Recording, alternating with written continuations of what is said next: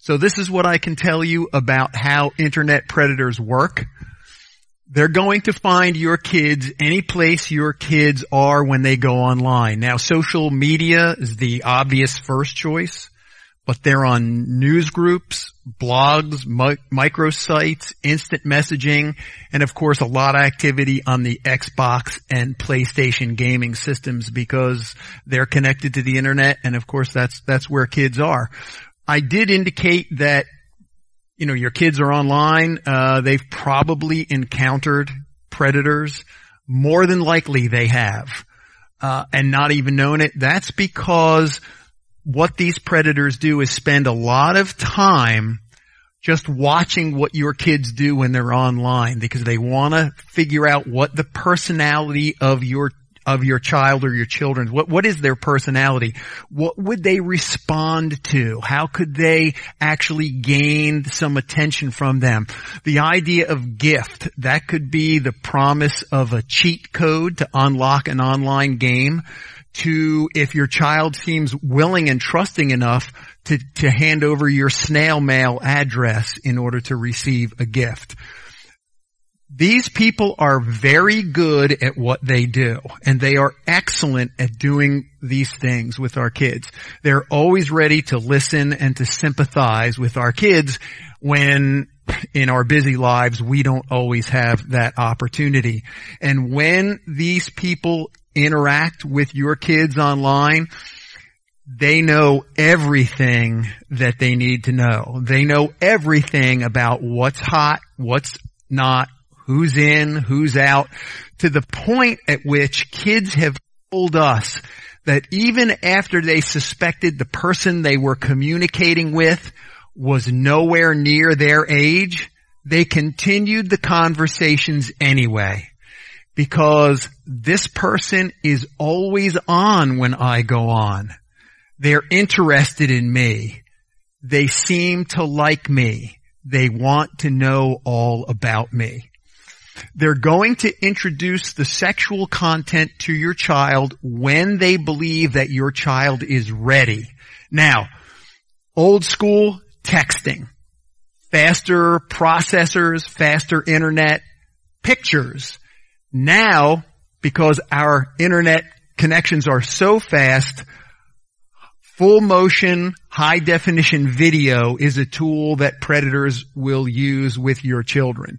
When I say when, when your child is ready, that could be after weeks or months or in some cases years of setting your child up before they will actually broach that subject. So again, this is a very frank discussion about what's going on online. And I can tell you that some of the individuals that we have apprehended that are into this, some of them were found to be wearing Depends undergarments or sitting over large trays of kitty litter to minimize the amount of time they have to spend away from their computer screens.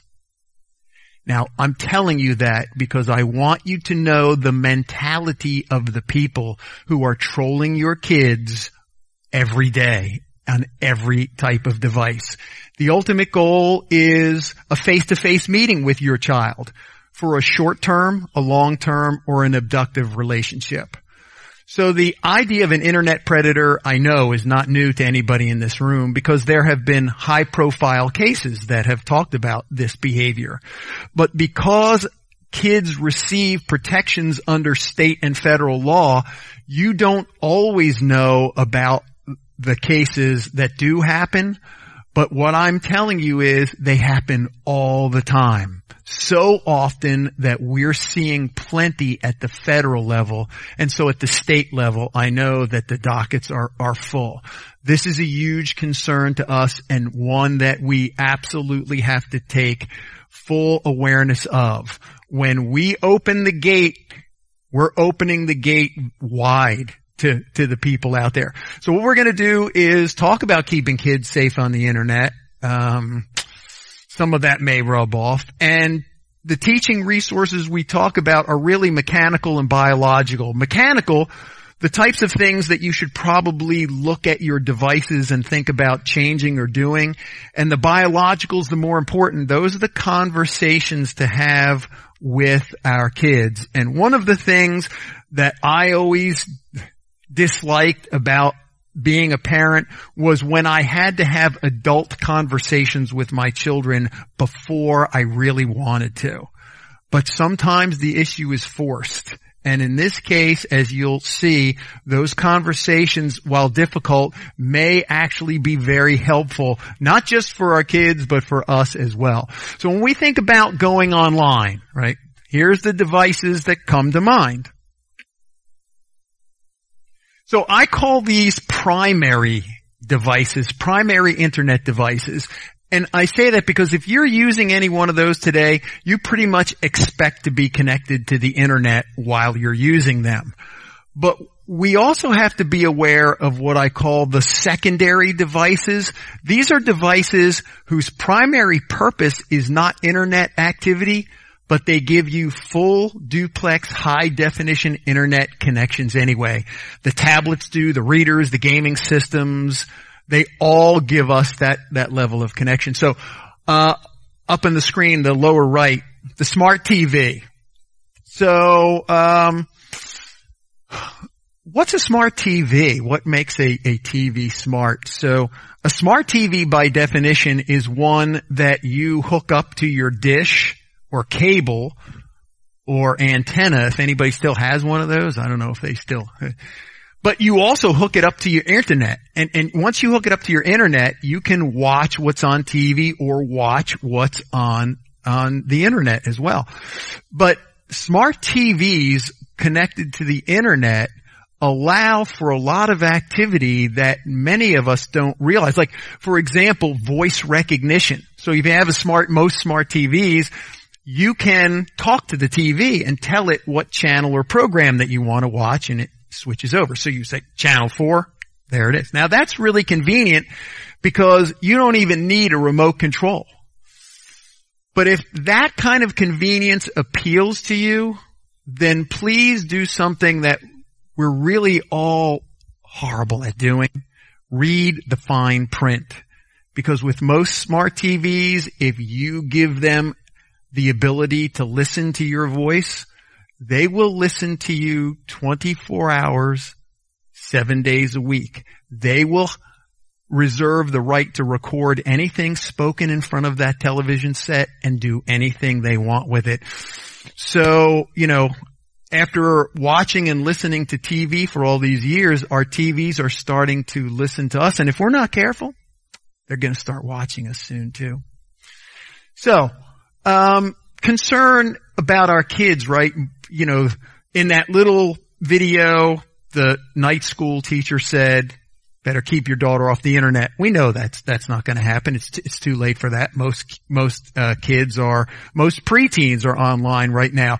But the idea of being online is a very different thing because we're all using the internet. We're just not all using it the same way. So, um, this idea of being online, I used to think, okay, online, go to search engine, put in a term, get results, I went online. But that is not how the internet is defined to our children today. Because to our children, the internet is defined this way. You must tell the world who you are and everything about yourself or you are not online. Now, a lot of problems occur because our kids are doing it and most have social media accounts. And of course, that easy access to social media is where we see a lot of these problems occur. So why are kids most at risk? We didn't really understand this ourselves because like in my house, I go to my kids to help me figure out the, the, the tech problems. Uh, but we looked at a few studies that talked about our children and their relationship to the internet. And so we came away with a couple of things. First, most tech savvy. Our kids are the most tech savvy generation that's ever been on this planet. So, you know, I'm glad we didn't pay for these studies because that seems pretty obvious to me. Uh, They believe they can multitask, do lots of things at the same time because that's what they do online. Um, this was really kind of a sad thing. Our kids don't have the patience for the slower things in life, and and for them that includes email. Email's way too slow for our kids. They want communication, but they want instanta- instantaneous. They don't they don't want to wait for for anything. And even our kids who have very little access to the internet have this mindset of being always on. They're always thinking about the next time I get to the internet, what am I going to look for? And what am I going to say? So, you know, we looked at this list and thought, I don't know, I guess we can't argue with this. So, what's the problem? Well, way down in the report was this little fact. Turns out that the most tech savvy generation in the world is on pace to be at the greatest risk possible for the types of issues that I'm talking to you about this morning. So how can that be? They're so smart. You know, they're the ones that, and I think the simplest explanation is this. It's a mistake that we have made as an adults. We see our kids, you know, that our kids are why they don't put instructions in electronics anymore. You know, like I get a new phone and I'm I want to read the instructions and my son already has it out and he's working. But the mistake we make is we think that, wow, they're tech, and they are tech savvy. They know how to work all these devices. So tech savvy they are, but what they are not is online street smart. Because for all their technical know-how, they don't have a clue how to protect themselves online. So there's a generation gap because I said we're all using the internet, just not using it the same way. Um, so how do you define the difference between us using the internet and our kids using the internet? Well, it's kind of like, I guess kind of like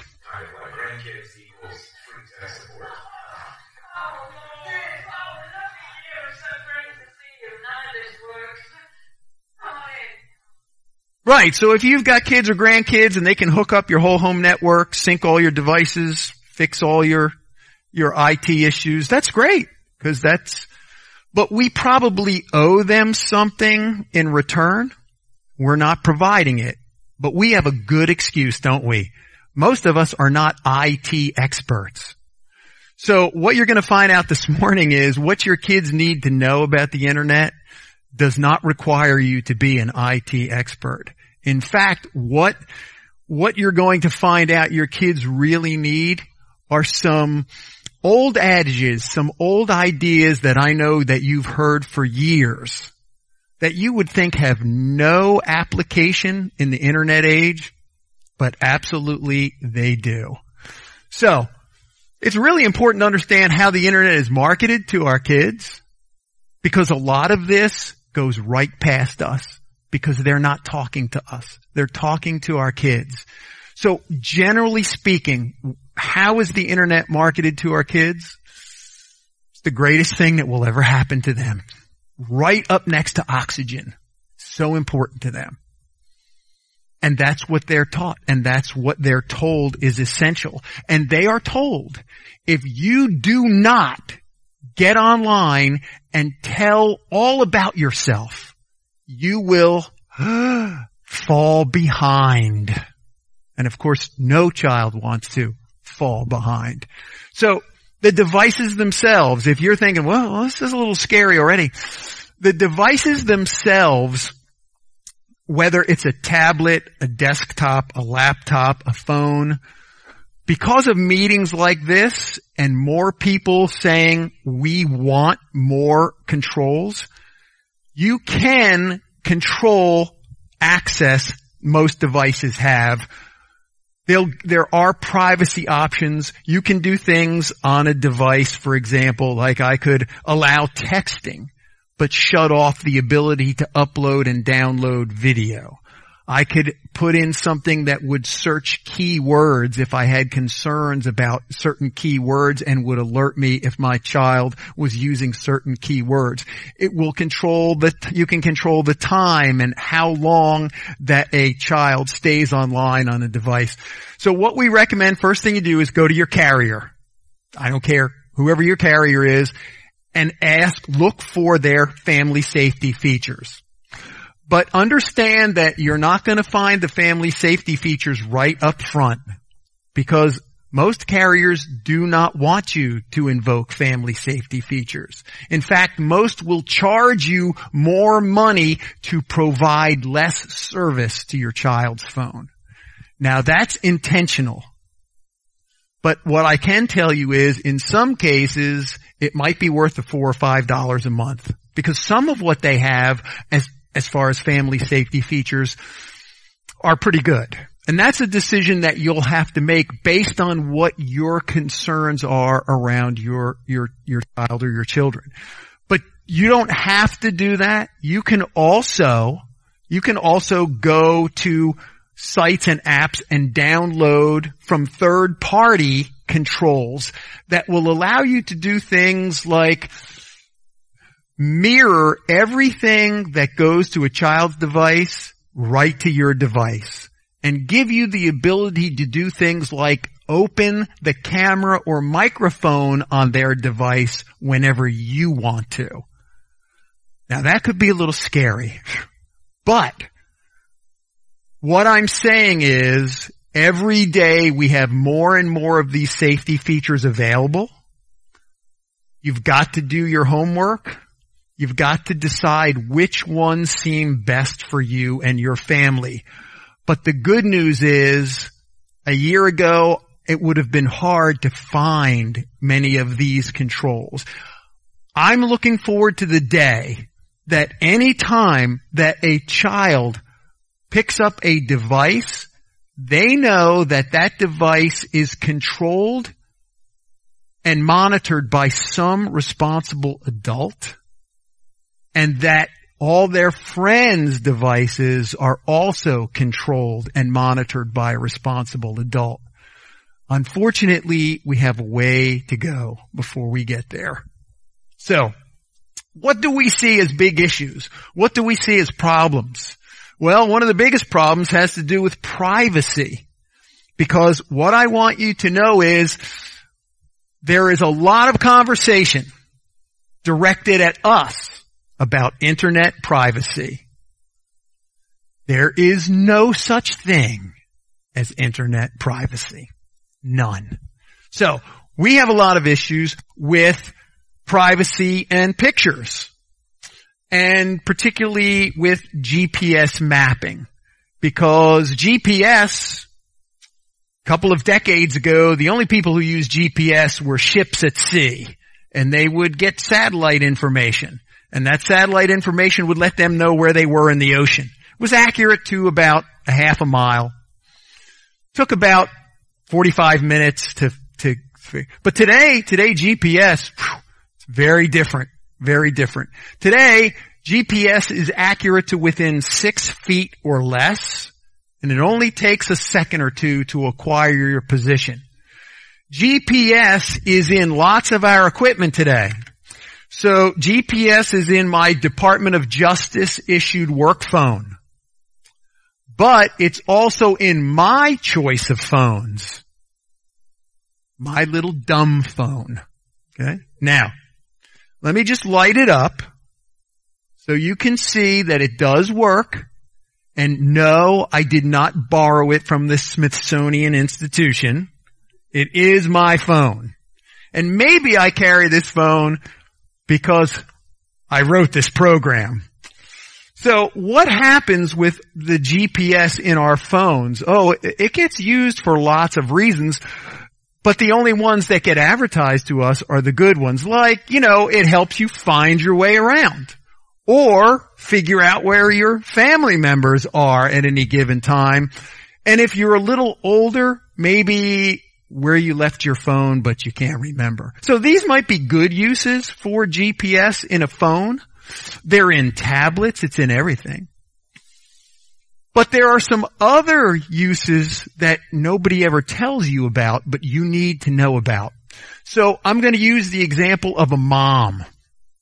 And this mom, um, this family has a very difficult decision that they've had to make.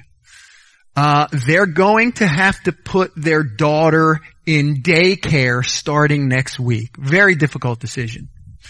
So mom decides that she's going to reach out to her online friends and family for some love and support around this very difficult decision.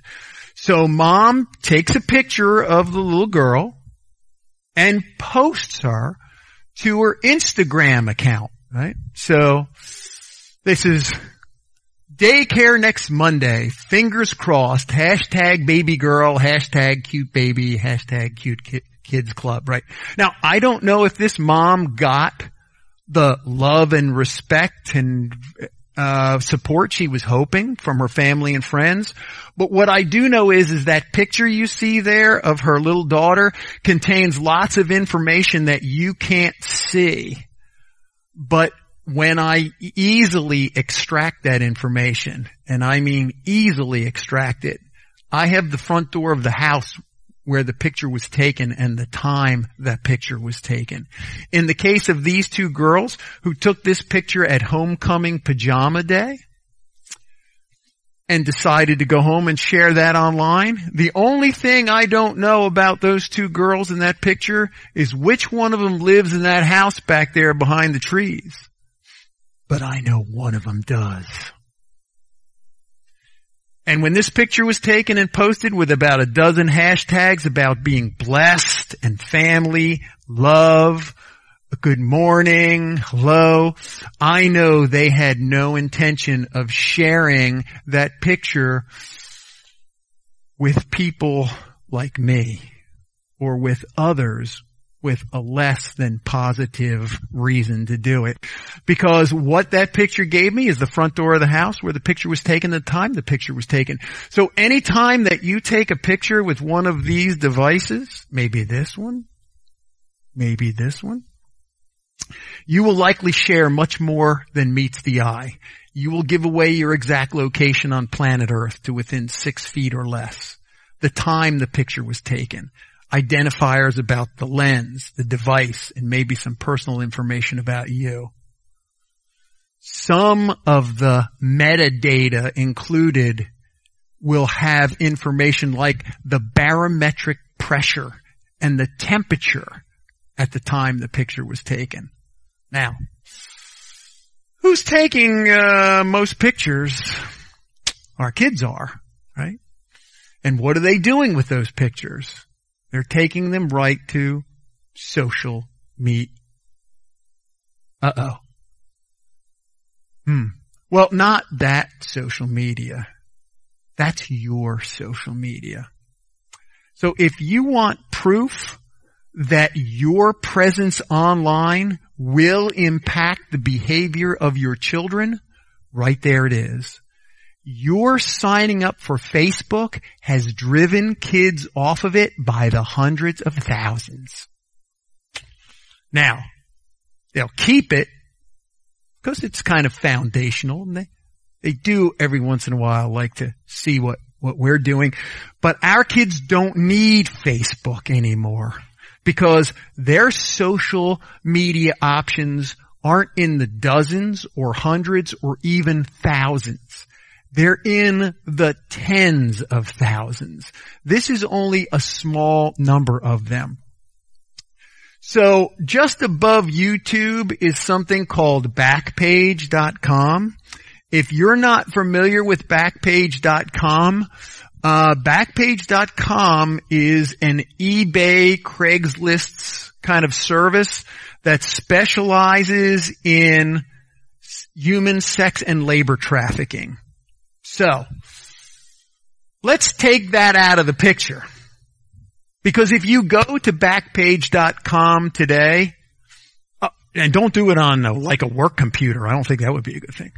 Um, but if you go there today, what you will see is a uh, a static picture with our symbol and the FBI and the Postal Service and the H because we have shut down Backpage.com. Now that might seem like a good thing, but unfortunately it was like throwing water on a grease fire. It just pushed the illegal activity out to other social media sites, lots of which have even a higher number of children. So if you just look at that list up there, which is very small, very small number, what I can tell you all of these social media sites have in common is this. They are lightly policed, lightly regulated, lightly administered. I don't care what the community guidelines say. I don't care what the usage agreements say. They are totally unenforceable. So what do we see when we go to the typical social media sites? What you would expect we'd see when you put thousands of children and I don't know who else in totally unregulated spaces. Okay, more than 10 years ago now, this was said to me, and I thought it was really frightening at the time. I had somebody say, hey, we know where you are thanks to your technology. We know where you've been. Not just like where I was yesterday or Friday or we know where you've been going back several months, maybe several years. So I thought that was pretty frightening. But they weren't done because then they said, hey, we pretty much know how you think and what you think about. So this was so frightening that I actually thought, okay, the person that's saying this to me, I sure hope they work for that group right there. If they know that much about me, then they must be like super spies. But it turns out that the person that said that to me didn't work for the CIA or NSA or any spy organization. In fact, the person that said that scary quote to me also said it to you. You just might not have been listening. Because the person who said that to all of us was this guy right here, the former chief executive officer of Google. And back in 2010, he told us this because he wanted us to understand that Google has lots of services and platforms all over the internet. And what they do is they watch them because they wait for you to post. And when you post, they take all the things that identify you. Then they go all through the rest of Google to see where else you've posted. Then they go outside Google to the rest of the internet. They collect everything they can find about what you have posted. They aggregate it into a personality profile of you and they sell you and that's why he wanted you to invest in Google. So, great question. We all use it. What is it? If I gave everyone in this room a piece of paper and a pen and said, please write down the answer, I probably would not get two identical answers because we all use it, but do we really know what it is? So I've asked kids, hey, what is the internet? And like my own kids, they have the answers to everything. Here's what they told me.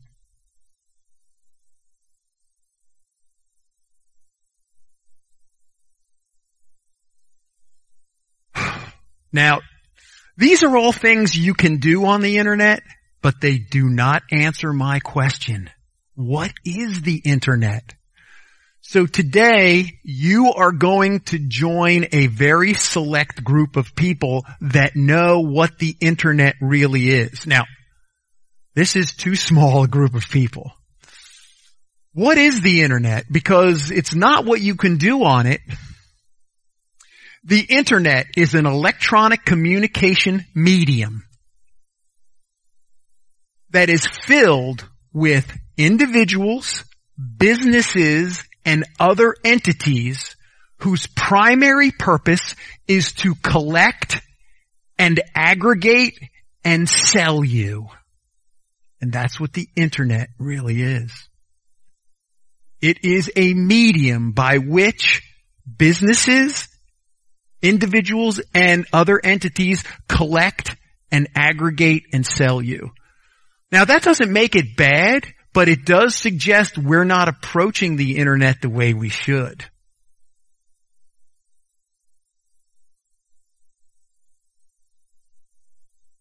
That's exactly what he was trying to tell us, but we weren't listening. So, this fake idea or the idea of the internet being, you know, the greatest thing and the way it's marketed to our kids, in parentheses are the percentage of teens who say they regularly post this online.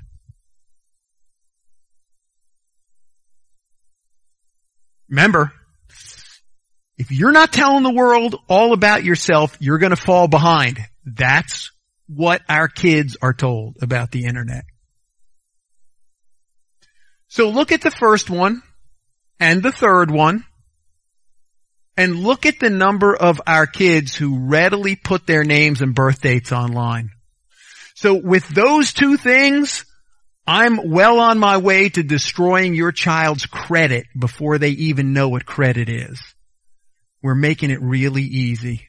And that's something that I used to think was nobody's business. But the internet says who you're with, that needs to be out there too. So, pictures much higher, but videos now because fast internet videos is catching up. So the, the most troubling statistic of all is this last one. Less than 10% of our kids say they have any concern at all about third parties accessing what they post. That's frightening. That is frightening. Because rule number one, again, rule number one, there is no such thing as internet privacy. There is no such thing. It has never existed. It does not exist. It never will exist. There is no such thing as internet privacy. But what about all those privacy policies? There is no such thing as internet privacy. None. And I'm repeating this because I would like it drilled into the heads of our children. There is no such thing. None. So, this is great because it's all of us. And I can say this and, and no backlash. We're a lot smarter than our kids. I mean, we have more education, we have mortgages or rent, we have car payments, we have jobs, we have taxes, we got all these things we have to deal with, our kids don't have to deal with. So when it comes to privacy policies and privacy, we know a whole lot more than our kids, right? So, um, any of you use social media like Facebook or anything? How about um, online shopping, Amazon or anything? Right. So before you used any of those services, you had to agree to the privacy policy for that site or app, right? And before you clicked yes, accept, okay, agree, you read through all the pages of that online privacy policy, right? You read through all that, right? I mean, you would not, you would not agree to something you didn't read. That's something our kids would do, not us. But you know what? It's okay because we know what privacy policies are, right? There's a typical privacy policy. I get it. Uh oh. At least that's what you thought you were agreeing to when you clicked yes, accept, okay, or agree to use that online shopping or social media site. After all, you don't want to fall behind. You've got to see those pictures. You've got to order that item. But that's not what you really agreed to for any social media or online shopping. So what did you actually agree to when you clicked yes, accept, okay, or agree? This is what you agreed to.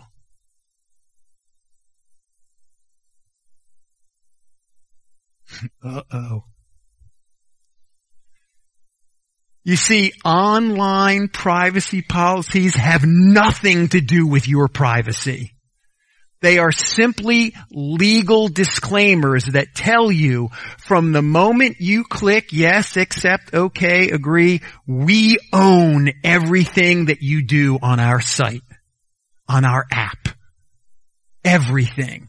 Every piece of text, video, everything. And we can do anything we want with it because it's not yours anymore. Hmm. So here's the lesson. And that old adage, you know, that your kids really need to know. Whenever you have chosen to use a free internet site, social media, shopping, some combination, you, you are the commodity that is being bought and sold. You're being bought and sold. And if that's not disconcerting enough, that's what's happening to our children. They are commodities that are being bought and sold online. The consequences for you are not positive, but for your kids, as you're going to see, the consequences are permanent. But if that's true, then why haven't I heard about this yet? That's why I'm here, because you you will understand this. So what do our kids need to know? Real simple. Those old adages like, if something appears too good to be true, right, it probably is. And here's one that will never fail when it comes to the internet. There's no such thing as a free lunch. Alternatively, nothing in life is free. You've heard that before, right? It was never more true than when it comes to the internet. There is not a single free thing to be had on the internet. None of it. And the costs can be very high. So, that's what our kids need to know that there is nothing free on the internet. And that there's a cost to everything, everything. Even if it's hidden. So I get this question a lot. Can you just give us a list of the dangerous sites and apps and we'll take it from there? I wish that I could do this, but I can't. Because New sites and apps are released to you on an average of 60,000 a month. I can't keep up with that.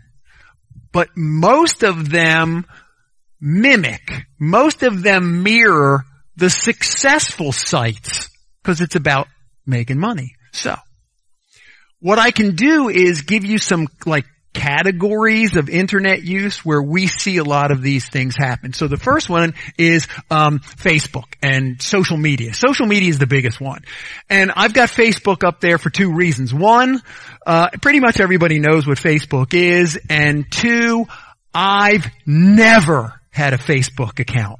Never.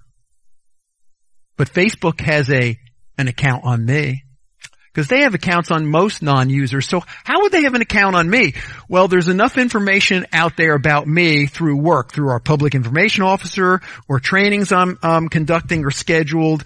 Uh, um, somebody that I know that that uh, posts something about me, even though I told them not to.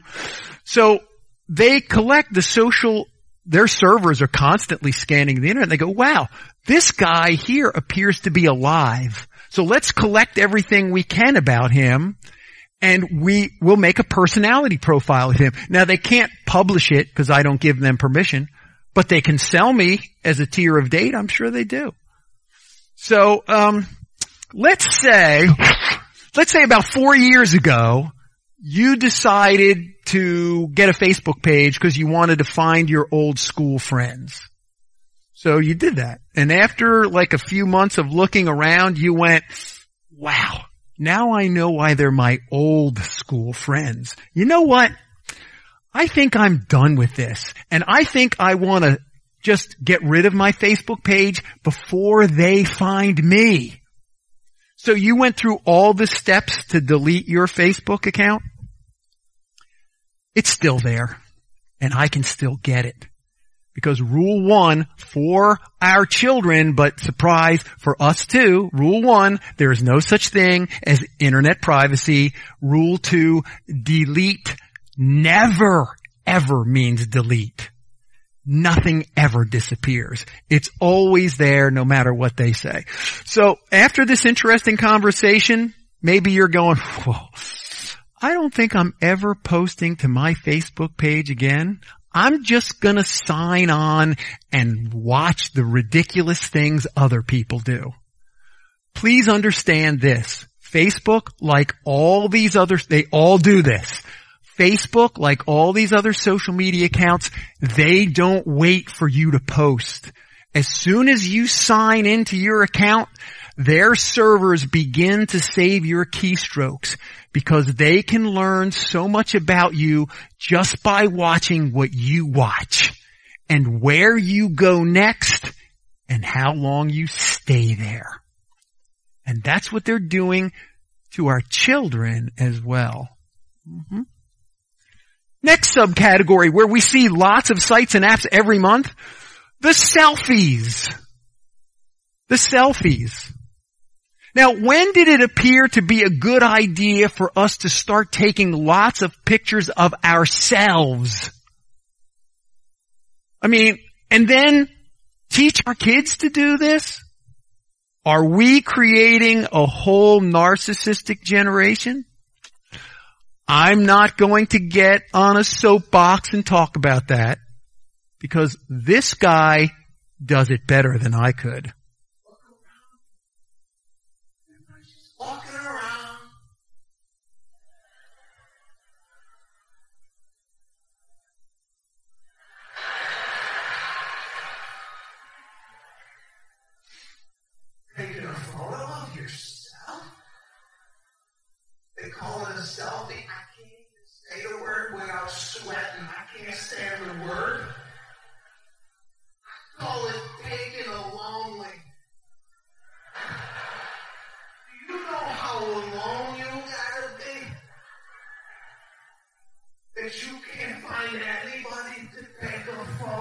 Uh huh.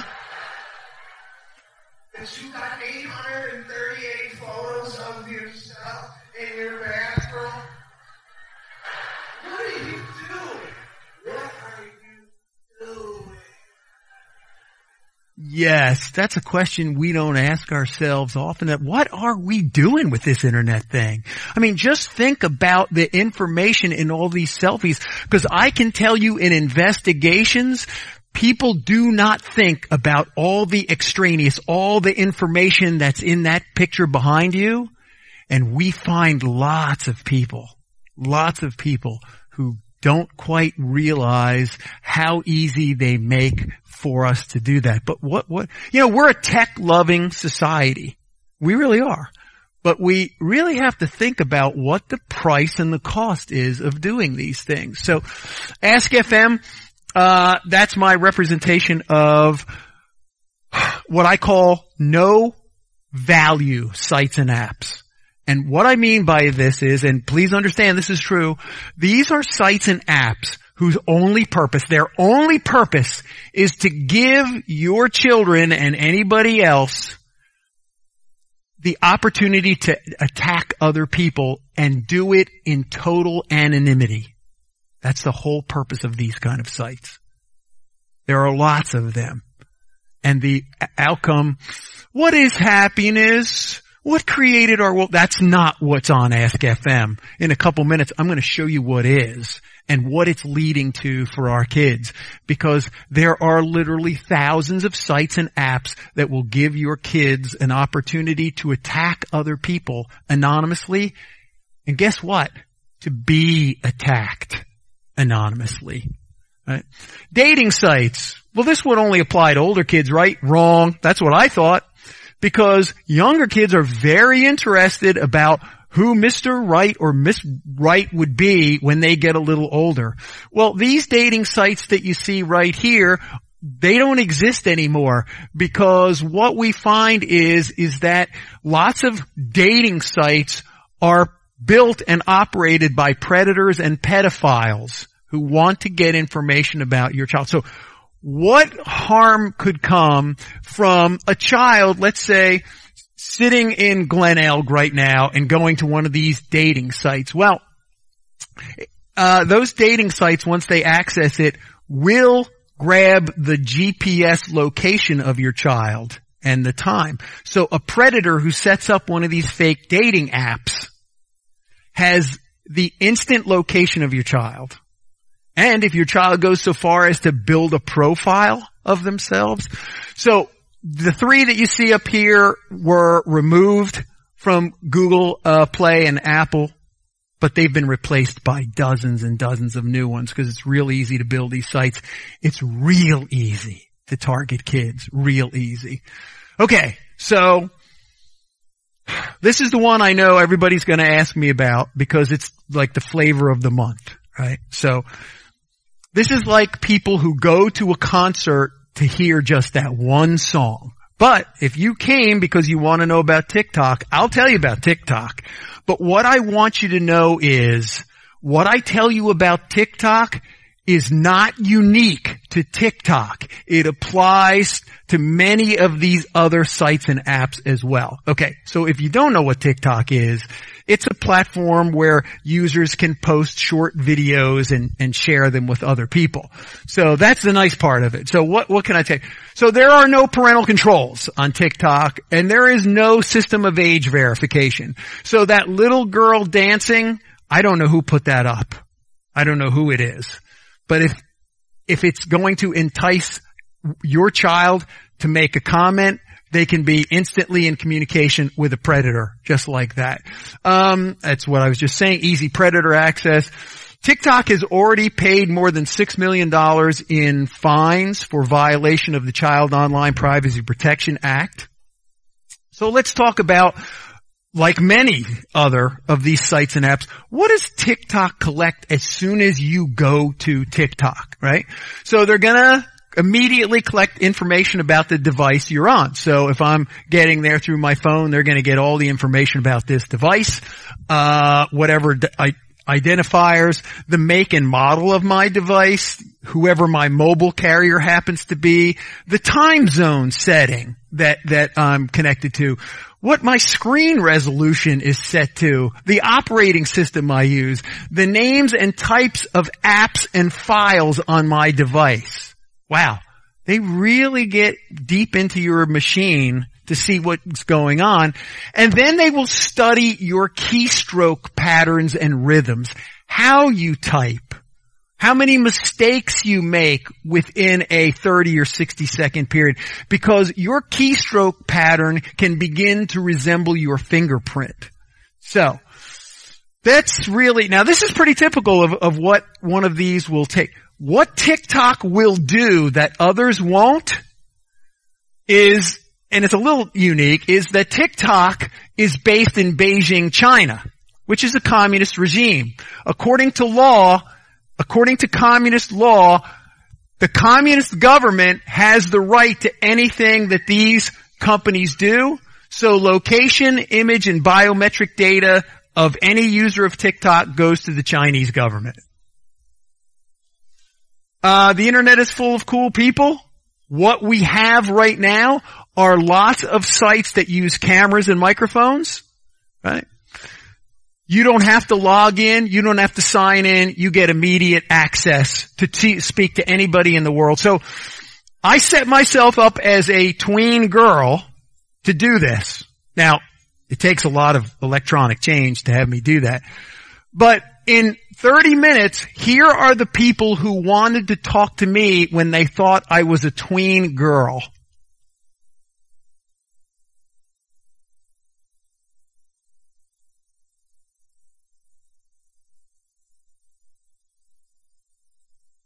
Now these are all still captures from full motion high definition video and in every instance it goes really wrong after this is over.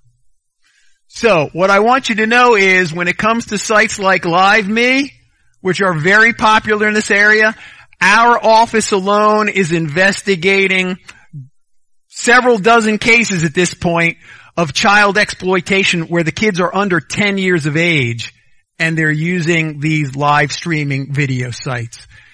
Kik has been around for a while.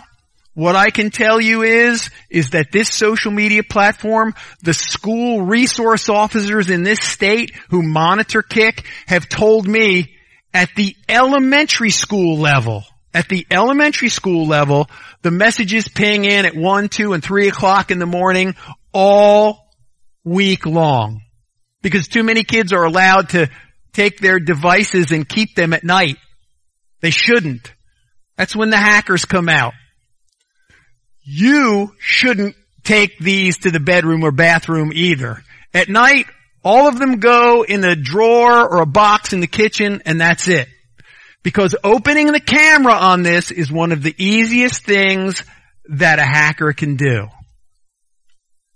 Um, Snapchat has snap mapping on it.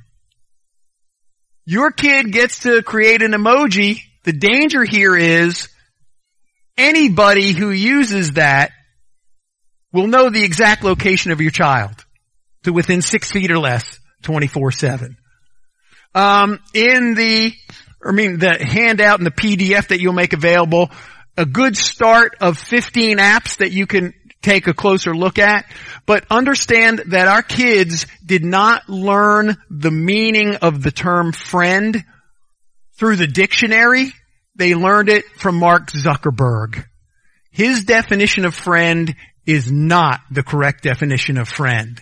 It's why too many of our kids have a large number of followers on social media they've never even met. That's dangerous. And of course, we see the, the end result of that. So cyberbullying, that's a legal definition. The best definition of cyberbullying I've ever seen is from this 13 year old girl. She gets mean messages all the time, all night long. She has no idea who's attacking her or why. This is happening every night, all over. Cyberbullying's different from traditional bullying. When I was younger, all I had to do was run faster than the bully and I could see sunrise tomorrow. But this stuff follows you. It never goes away. Never. Lots of ways that, that bullying occurs. Sometimes the, the result of bullying is the worst possible thing. There were fights in school, and police administrators even tried changing her schedule. Rebecca was hospitalized in December for cutting her wrist. Her mother eventually pulled her out of Crystal Lake Middle School altogether. She used to come home every day and tell me how she wasn't worth anything, that she was ugly. But the bullying didn't stop. It continued on social media. It always does. Some of the juveniles have told us that Rebecca was absolutely terrorized on social media by some girls. CNN was at this rally Monday where some students opened up about bullying at Crystal Lake. There were confessions and apologies, but police believe Rebecca was already dead. The sheriff says she jumped from the tower of an abandoned cement. Sheriff Grady Judd says laptops and cell phones from about 15 middle school girls have been confiscated as part of the investigation. And they found messages sent to Rebecca on several social media sites. Messages such as, you should die, and why don't you go kill yourself? We see them all the time. Sarah says the night before she jumped, Rebecca sent a message to a 12-year-old North Carolina boy she had befriended online. She wrote, I'm jumping. I can't take it anymore. We can see from what, so- what we've investigated so far that Rebecca wasn't attacking back. She appeared to be down. She appeared to have a defeatist attitude. Quite frankly, the entire investigation is exceptionally disturbing to the entire investigative team. So in my conversations with the Polk County Sheriff's Office in Florida about this case, what I found out was the way in which they killed this girl. They used Ask FM, one of the no value sites and apps, where they anonymously attacked her for weeks and weeks and weeks until she killed herself. Now, here in Maryland, we do have a cyberbullying law, 3805, uh, and I'll see if I can find that for you. 3805 is also known as Grace's Law. It's named in honor of a Howard County high school girl who a few years ago committed suicide after being relentlessly cyberbullied by her classmates. This is a huge issue we deal with all the time now. Kids who are posting uh, naked or semi-naked images or videos, it's because they believe there is online privacy and they believe they, these things can be deleted. They cannot be. That's 3805. That's Maryland's law. I'd like to see it strengthened. It could be a little stronger. And of course, but the emotional damage for this behavior is, is very, very bad. In fact, speaking to school psychologists, the amount of anxiety and panic attacks in students that they see prior to the pandemic, they attribute to online activity of our kids. And sextortion is relatively new.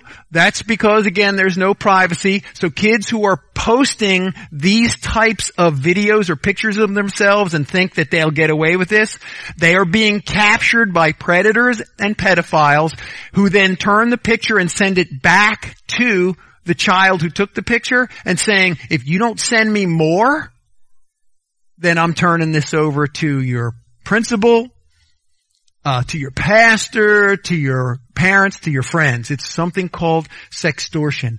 We have a number of cases of this at the elementary school level. And that's what we know about. So I know right now that there are kids who are handing these pictures over out of this type of fear. It ha- it's happening all the time, all the time. So again, before you hit send, you can't take anything back. Once you hit send, it's gone. It's out of your control. So, as I said, the damage for our kids is permanent. So a few years ago, some universities and colleges, they said, we'll start to look at the social media, the digital footprint of kids who want to come to our school, and we'll use that as part of our admission process. So it was very early in the process. Most all schools, universities, colleges, trade schools will do some type of look at what's going on on, on an applicant's digital process.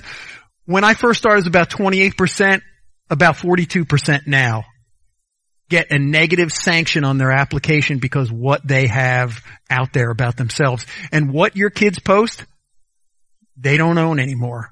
You can't take it down. If that's not bad enough, consider this. Here in our area, it's uh, it's closer to 90% of the big companies in our area right now routinely scan the digital footprint of any applicant. So right now, out of every 100 of our kids who would apply at a Fortune 500 company, how many will be rejected just because of the pictures and comments and posts that they have out there? A third. About 33 out of every 100 get sliced off right away because of that stuff. Now, our kids need to be tech savvy, absolutely. Cause you, you gotta be. Like, the guy who just worked on my car seemed like he spent more time on the computer than actually touching my car. But if you're not online street smart, it's going to cost you. And it's costing our kids. Because here's a tech savvy kid, but he's got no online street smarts. Here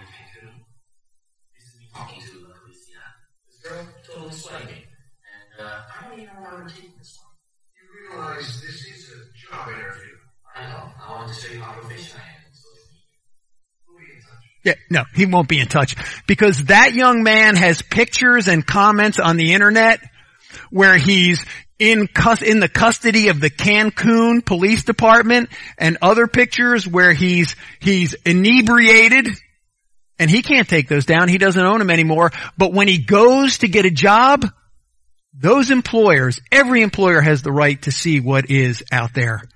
And that can cost in the long term, right? So NetSmartz is a great site. There are lots of good sites, but NetSmartz is where I think you probably should start. It's operated by the National Center for Missing and Exploited Children. Um, this is not about technology. It has to be about our kids because I can't keep up with the technology. It's about talking openly with our kids about the danger. So we have to teach our kids how to handle this stuff and that, like I said, that may mean having some conversations sooner than we want. Please use filters and safety measures at home, but understand something's gonna get through. Something will get through and that's what you have to be prepared for.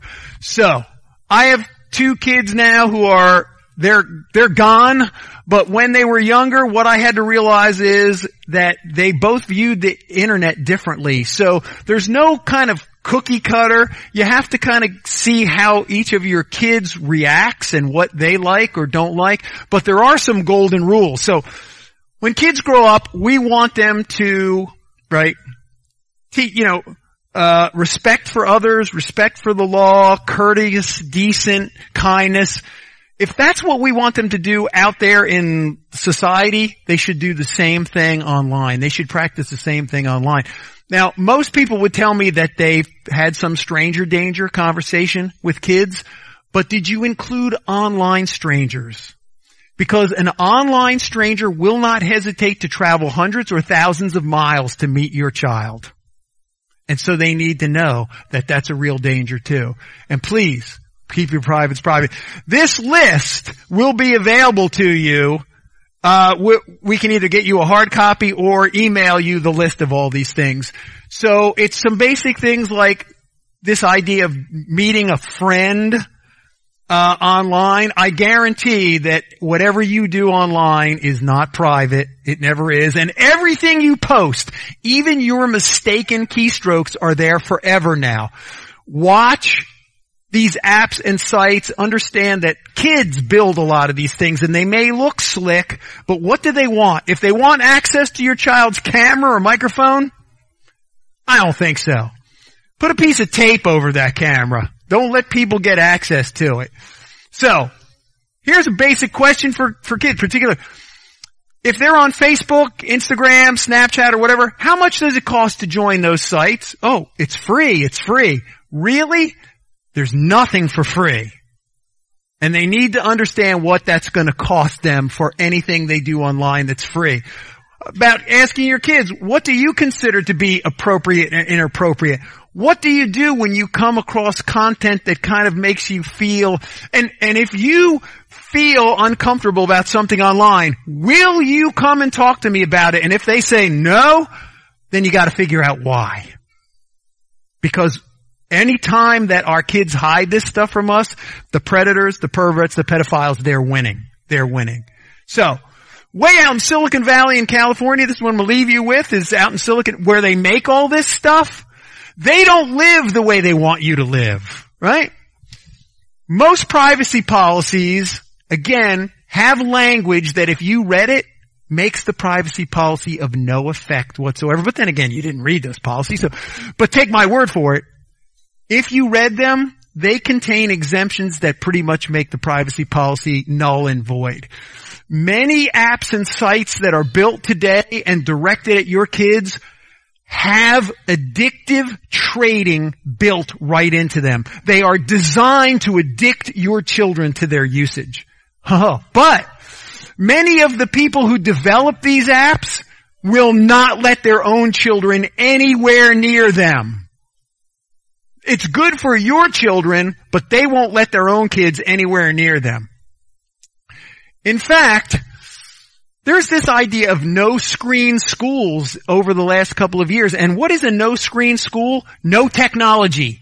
All learning must be pencil, paper, book, old style chalkboard, no technology. So where do you think no screen schools are very popular? Why, they're very popular out in Silicon Valley.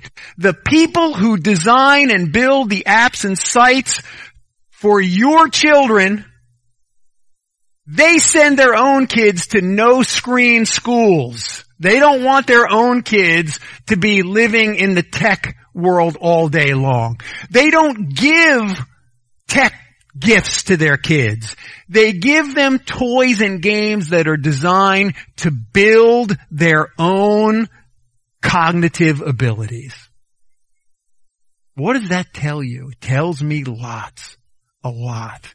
That's what they're doing with their own kids, right?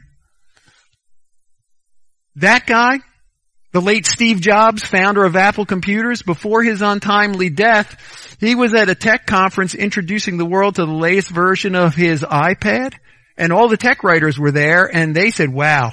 One of the tech writers said, you know what, Steve?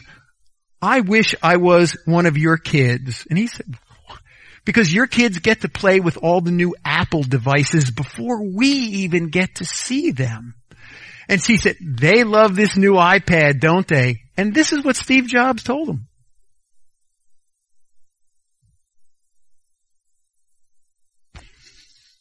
See, we need to wake up the people who make this stuff and distribute it to us and tell us and your kids this is the greatest thing ever. They don't want their kids anywhere near it. So, it is my hope that just by sa- sampling the kind of dangers and issues that are out there today, that you will protect your house from this kind of things and have these discussions with your kids and ask them why the people who make those apps and sites, why they don't let their own kids get anywhere near this stuff. Because I don't believe our kids want to get taken advantage of. They're not hearing the truth.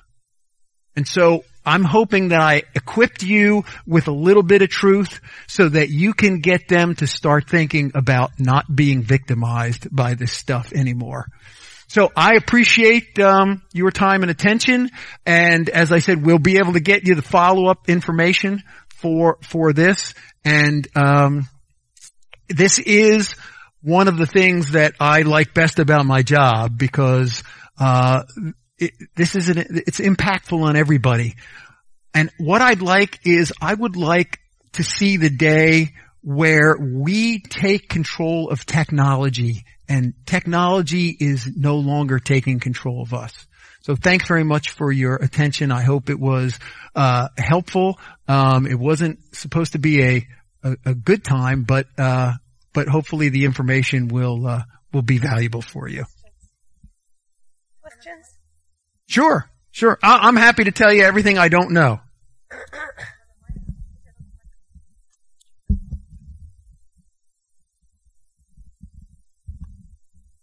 Hi, um, I just don't have a question about what you said, but I have a request. I don't know if you can do it for us.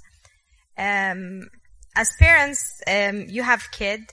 Convincing your kid is harder than the stranger convinced them. So to talk to my kid about electronics is like, uh, you know, you're hitting your head toward the wall. Yes. So if Oh, you I know talk that. to them, I think they will listen to you more than they listen to us. Okay, so a couple of things. First, I know exactly what you're saying because my my kids. It, not only do I did I get all of the feedback that you get, my kids also said we hate your job too. So that's uh, like an extra. Of course, yes. what the this the program here is designed for a couple of of when we looked at at what we could do from our office what we found was that a few you know 10 years ago our kids got exposure to the internet when they went to school but now we as parents are the ones that are providing the internet to them what we were able to find was that as parents, we largely have no idea about internet safety or what to do or, or how to do that thing. So we developed this program to target to adults around that. In terms of speaking with kids, a lot of schools now incorporate like the internet safety but what we found was that a lot of the, the internet safety that schools do was falling flat because the kids would say, we can't do any of this in school. That's why we go home where we can do anything we want to. So for the, for the state of Maryland and for the U.S. Attorney's Office, there's me. That's it. So what we decide for our resources, we decided the most important thing was to speak to the parents and grandparents and, and the other adults, the community organizers to kind of let them understand because we're trying to make this holistic. So that's kind of a long way to say that we, we don't speak to children. But one of the things when you speak to children is, um, from the research that they tend to dismiss like the one-off show. Like if you brought a bunch of kids in here and I told them, then I pack up and leave and they, and the retention is very short. But school resource officers, um, teachers, counselors, there should be some kind of a robust internet safety that they're receiving in school that we want to back up by educating the, the parents outside of school. But do you know, it, it, it, is there internet safety at your kids' school? Are they? Um, to be honest, this year since it was pandemic, Right. kids had laptop home, so the access was from home. Right. Uh, you know, Yes. it's like whatever, Right. Whoever wants to search, they search whatever they want. I know. uh, observing internet was like Yes. crazy. So now, like my son is sixth grade. He keep begging me to give him phone. Oh yeah. I try my best to not give him phone, but of course, like there's no kid in his class doesn't have phone, and it's a struggle. And now I'm the bad mom. I, I don't know I- how to do it, and like it's just like suffering. You know, Suffering. The kids see you. The kids see you like you don't understand anything. Uh, you you don't know that I can protect myself. Um, mom, you're not knowledge enough. You know, you're not from here. You know, it's it's you know, it's a lot of stuff like because mom, you you didn't born in here. I know more than you. It's like we have double struggle because you know we're not you know we don't have even their language. You know the how they like we we never been in school here, so the system here we still learning about.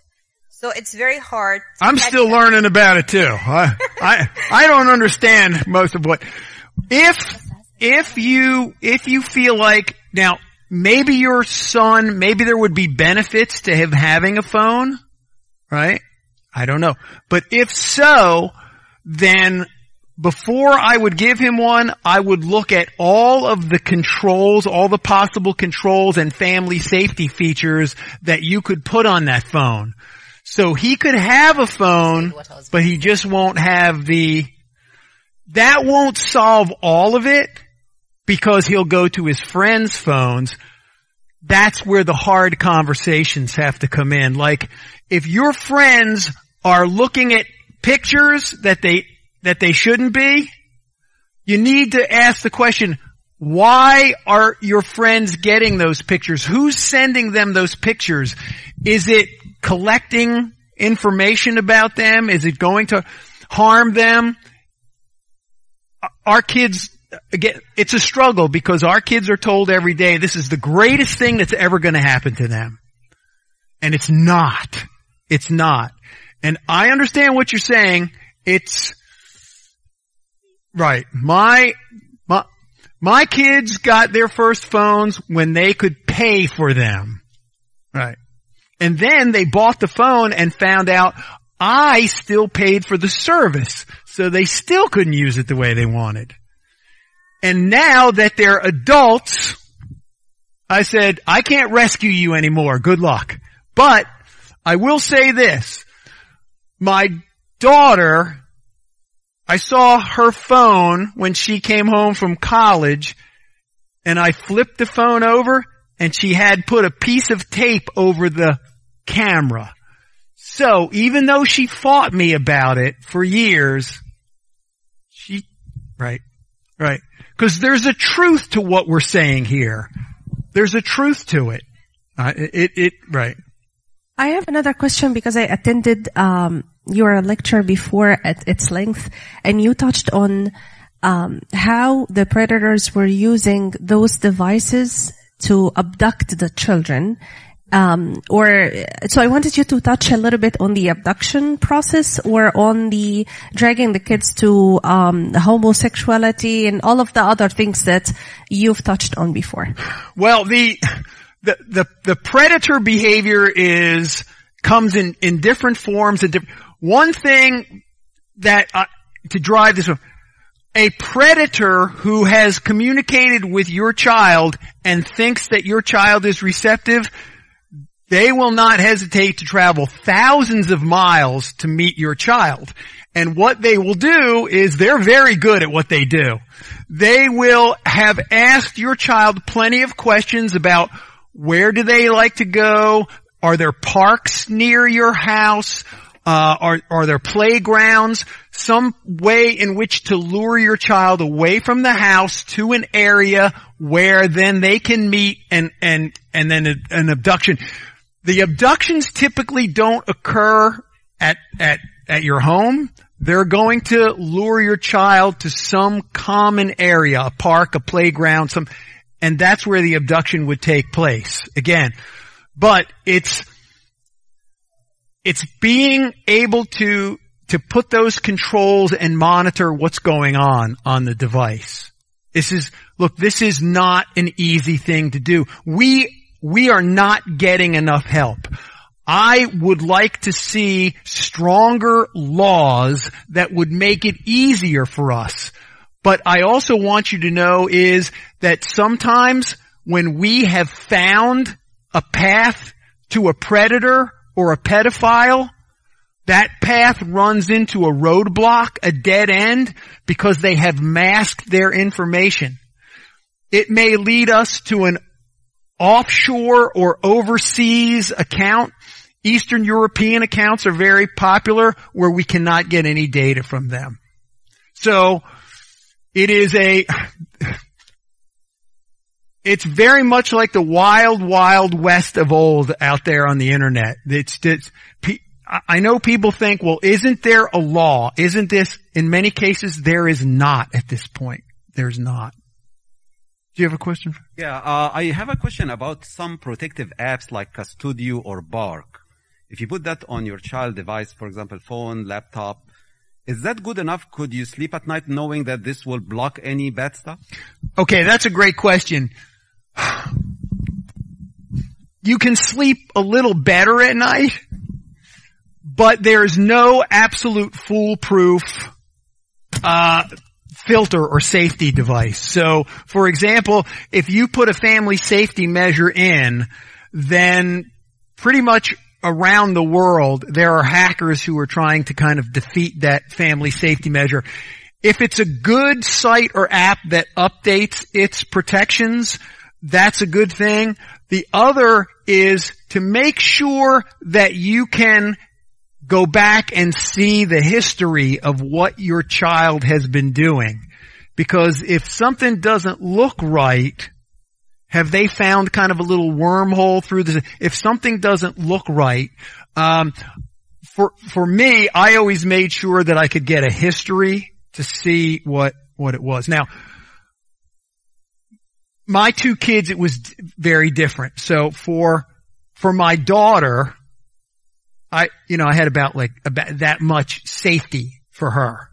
My son, I called the National Security Administration and I asked them, can you give me some tips on my son? Cause he's a knucklehead. So, it's, I had a lot more head banging with him and I took the device away from him at times. But what I found was if I had a safety that let me look at the history, that was, that was allowed me because then I could go look at his history and then Trust but verify. That's what. Uh, I have a question. I have a follow-up question on that. You said that you can look at the history, But I was talking to one of the parents who said that their child was actually going on the private. When you go to the internet, there's this area where you can actually do private when you're browsing. And you cannot get history on private. How do you, Well, we're talking about where you install a, Oh. an, a, Okay. Uh, right, a safety app that is designed to, they can do what they want, but for example, if they go in and delete the, the browser's privacy, that action will show up on the safety. So someone, someone would ask, well, what's the best one? That's like that's a, like a, a, a good and a bad. The good is there are so many new ones that are coming out all the time that have all kind of features. The bad is you have to do your homework. Now, what would I do? Sites like uh, Common Sense Media and uh, CNET, the letter C, net. Um, I look at at parent blogs that pe- where parents discuss which type of filters or safety measures work best for them. And so I do a lot of research to figure out what I, what I would do. Um, but I don't know. There's probably new ones out today that I haven't even, I haven't just, uh huh. Is the iOS better to control more than the Android? Uh, I don't think so anymore.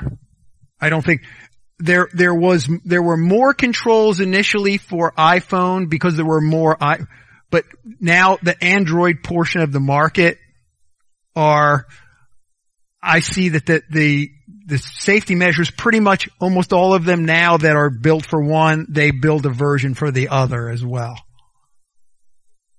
Yes, ma'am. Then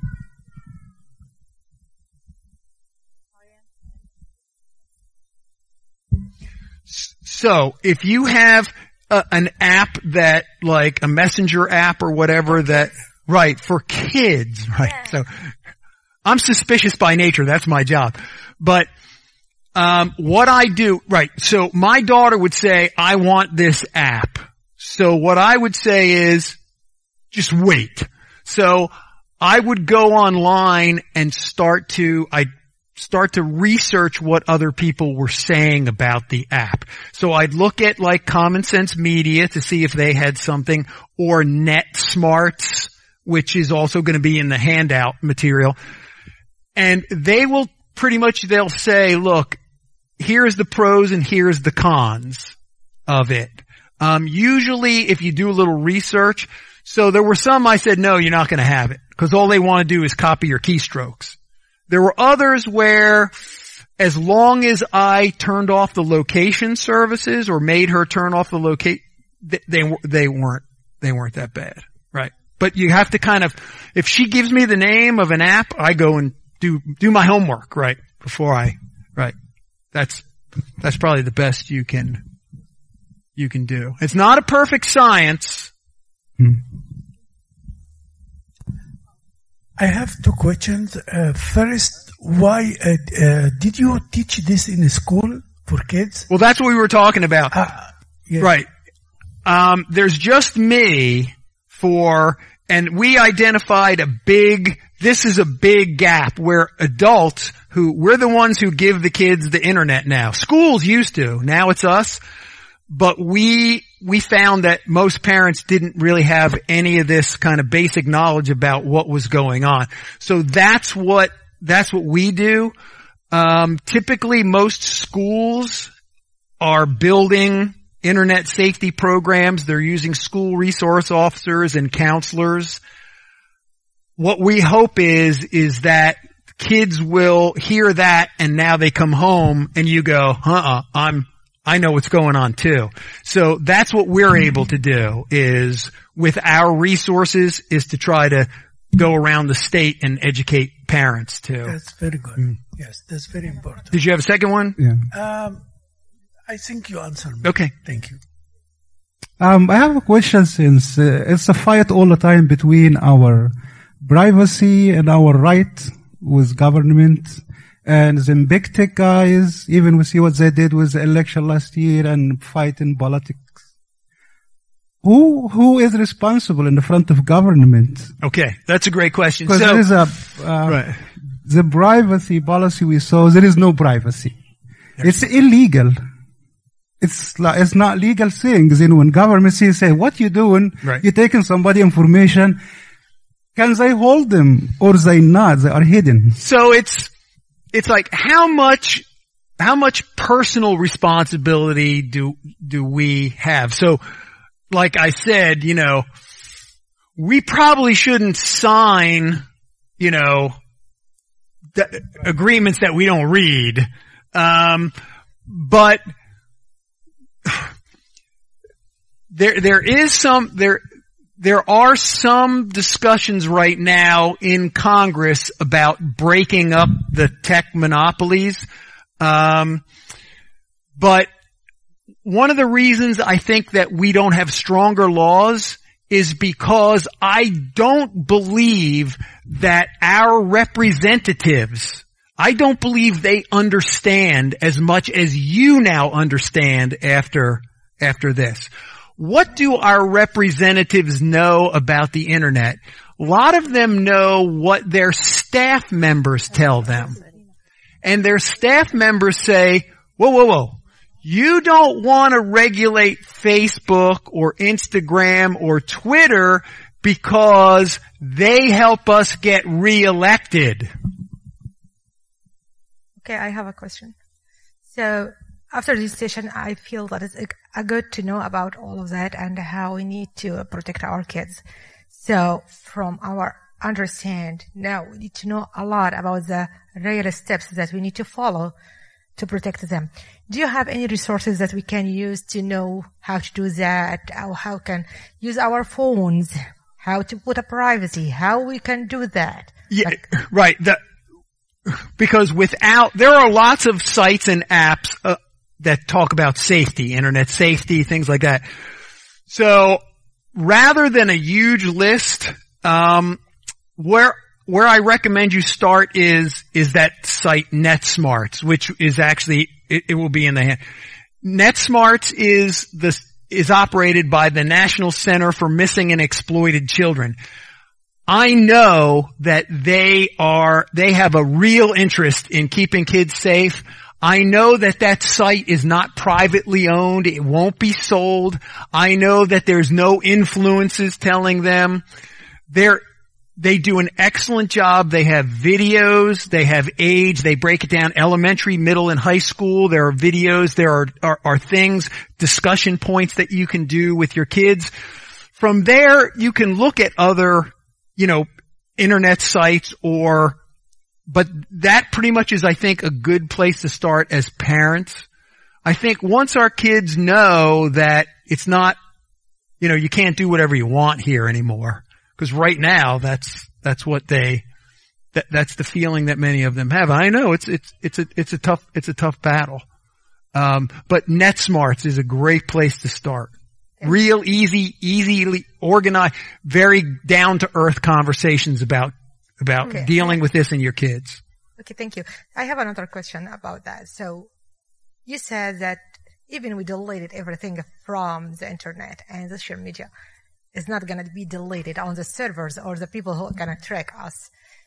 So do you think it's going to be late to start doing that now?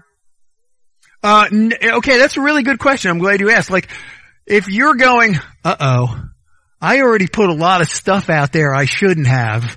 Yes. So, if you change your behavior right now, that's a good thing because you, your, your information will age out. It will still be there, but the older it gets, the less relevant, the less important it has. Once it gets kind of older, it's, it's not, right. It's not of value. So it's not too late. That's real. I'm glad you said that. It's not too late to kind of, and that stuff will eventually go into the back closets of the internet somewhere. Because when, when people search, they're usually searching in the here and now. And so stuff you let go, right, it, it is worth it. Mhm. So Vince, I have something to add here. I guess it's a demand that many people came in to ask me and, and say, is there a way that we can have some kind of modified session to the children? And the reason for that request is number one, they wouldn't listen to the parent only. If they heard it from someone else and then the parent at home is enforcing what has been said, they would listen and submit. But without that, they wouldn't believe us at Right. all. This is number one. Number two is that um, a child actually, when they hear it from somebody at a high rank uh, or somebody that's working in the government, they would believe him more than the parents, and so it, it would save us as parents a lot of banking heads against the wall trying Right. to convince them that we're doing the right thing. Okay, so we're okay, so we're in Howard County right now. So my suggestion would be that um, if you wanted to host something here for kids, that um, that I know that Howard County Police that their community uh, liaison unit and school resource officers deal with this all the time at the kid level. So they could probably and and they could speak right to what it is that the kids are and and kind of have that dialogue and still be a person of authority to. Um, that would be that would be my, I guess, recommendation to do that would be to because they have an excellent program. Right. Um, we'll discuss right. more details. Then. Right for okay. that. Right. Any other questions? Vince, this has been very, very helpful. Thank you so much well, for coming I'm, all the way to here. Somebody has a question in Arabic. هل الحكومة ملهاش دور في إنها تسيطر وتتحكم في هذه الشركات بوضع قوانين ولوائح معينة ما تخليهاش تتكاثر بهذا الشكل؟ يعني أنا شايفة الدور كله آه، اتحط على الأسرة. وحضرتك قلت إن في إن الأهالي طبعا آه، يعني برضو تفكيرنا غير تفكير الأ- الأولاد اللي هم في الجيل ده. الجيل ده حضرتك بتقول إن هو متعلم بالفطرة يعني بي- بيعمل بسرعة الحاجات بي- بيبقى عنده ثقافة أوعى. طيب فدلوقتي يعني الحكومة إيه إيه دورها في إنها جعلت الشركات دي تتكاثر ليه ما ما بتحجمش دور الشركات دي بوضع قوانين ولوائح بإنها تحد من تكاثرها وتحد من الإجرام اللي موجود وبكده إحنا هنخف من ال- من الجريمة اللي موجودة. و وهل هي عاجزة عن إنها تحل هذا الدور فبدأت بو- بمحاضرات بإنها توعي الأهالي؟ So she's asking about um, the role of the government creating more rules and more laws to um, confine and actually restrict those companies from multiplying and being out there to pose that danger to our children and ourselves. And she's wondering about if all the load is now on the parents to take care of their children while the government is not really doing what they have to do or they're tied, hand tied and cannot do what needs to be done. Is there a way that we can enforce more laws or more laws would be out there so that they can control those companies? So, right. So we don't have a lot, as I was saying, we don't have a lot of law. The laws that we enforce, for example, when we go after, uh, crimes, uh, predator crimes, for example, um, against children, we're using the laws that have to do with the actual violation of the internet is the vehicle, uh, but for example, um, section 230, right now, section 230 of the communications code says that internet service providers like Google or Twitter or Facebook are not responsible for the content that they put out there. They're just a messenger there is debate about whether or not they should be held responsible for the content that they put out there. There's also debate about these companies as monopolies and that should we break up the large companies like Google and Twitter and should we break them up to, to create more uh, competition and more balance?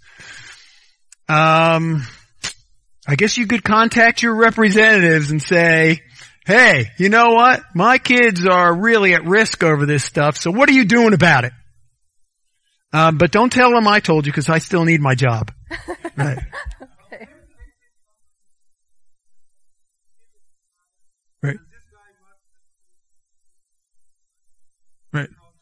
Well, you're preaching to you're preaching to the choir here because I I right I. Well, the it the only people who can change that are the are the lawmakers. So the only thing I can do is enforce, like the enforce the federal laws that are on the books, but I, I can't make them. I can wish that some of them were, were stronger or there were n- newer laws, certainly. But that's something that we have to demand. But maybe that starts to change because of meetings like this. Because people say, hey, we're tired of this stuff. You know what? We're tired of this hustle. We're, we're not going to deal with it. You need to change this. You need to fix this. That's, and if that happens, then I'm happy to, right? Right. Well, that's just it. But not enough do. Not enough do. So, so, so I got, I got a question here. So that's the FCC and that's the federal government here in the U.S. There's a counterparty, there's counterbalance like in Europe, which is the European Union. Are, are you following what they're trying to do and maybe that can leverage uh, or can, can put like no pressure on the current situation here in North America? For? For, um, governance, internet governance discussion that we're having. Right. That, well, that is, and I'm glad you, because there is the international part of this. So, because it is the World Wide Web, one of the things that, that is, is being talked about and the, so the European Union actually is, I would say, ahead of us in looking at and figuring out ways to protect uh, people's private information, uh, people's data. They they have they have laws that that have imposed more restriction than we have. Um, I, I think some of them are pretty good. They they they have laws to protect the online reputation of individuals, which would I think be be a good thing here too. But uh, your point is well taken. If if we don't get agreement across borders, um, it's very hard to enforce some of of those things without you restricting access. You know, like on a on a national level. Did, did was there? If you're following them and how do you see them moving forward? The European Union. Uh, are, are you following them and how, and if you're following them, how do you see them moving forward with their legislations? Well, at this point, I, I, you know, I think that their tendency, the like, and they're they tend to be leading around reputation and enhancement and protection. I think that they've gotten a, a positive response from their population. Um, I'd like to see that. I think they're also looking at us because there's so much information exchange between the two of us.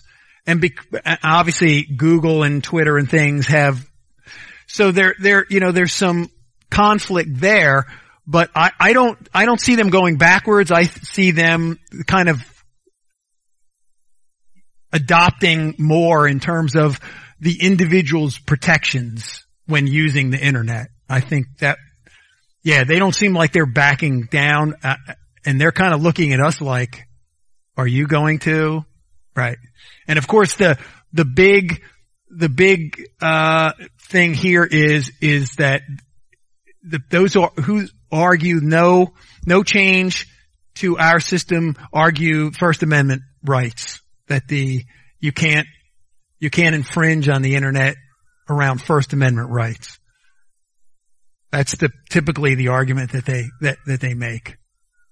Just a follow up to this last point uh, regarding um, what is the like what is the how much percentage does the government see as like for service that's provided by Google or Google customer service is being managed by a foreign entity?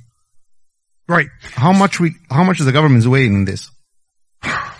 I don't know. I'm not an IT, but I would say that there are real questions about how much services uh, entities like Google have access to um, that that the government maybe doesn't. I mean, we use some of these these services too. I don't know that that's necessarily a good thing.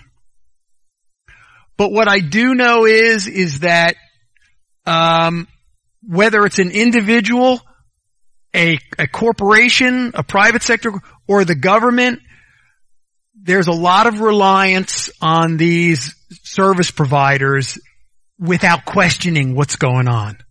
And I think those questions should be, a lot more questions should be, should be asked. Yep, ab- absolutely. Absolutely. But we, we don't know. We don't know.